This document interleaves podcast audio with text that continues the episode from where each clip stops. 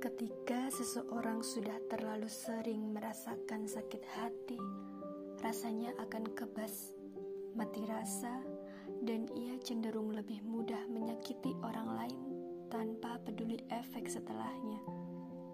Sebuah naluri untuk melindungi dirinya sendiri dari rasa kecewa. Tangki cinta yang dipunya pun kosong. Ia bahkan tak bagaimana caranya mencintai orang lain. Bentuk cinta kepada dirinya sendiri sejatinya hanyalah sebuah tameng supaya ia terhindar dari luka. Tak pernah merasa dicintai, pun merasa sulit percaya kepada orang lain. Ia merasa lebih baik hidup sendiri tanpa orang yang berpotensi menyakiti dirinya.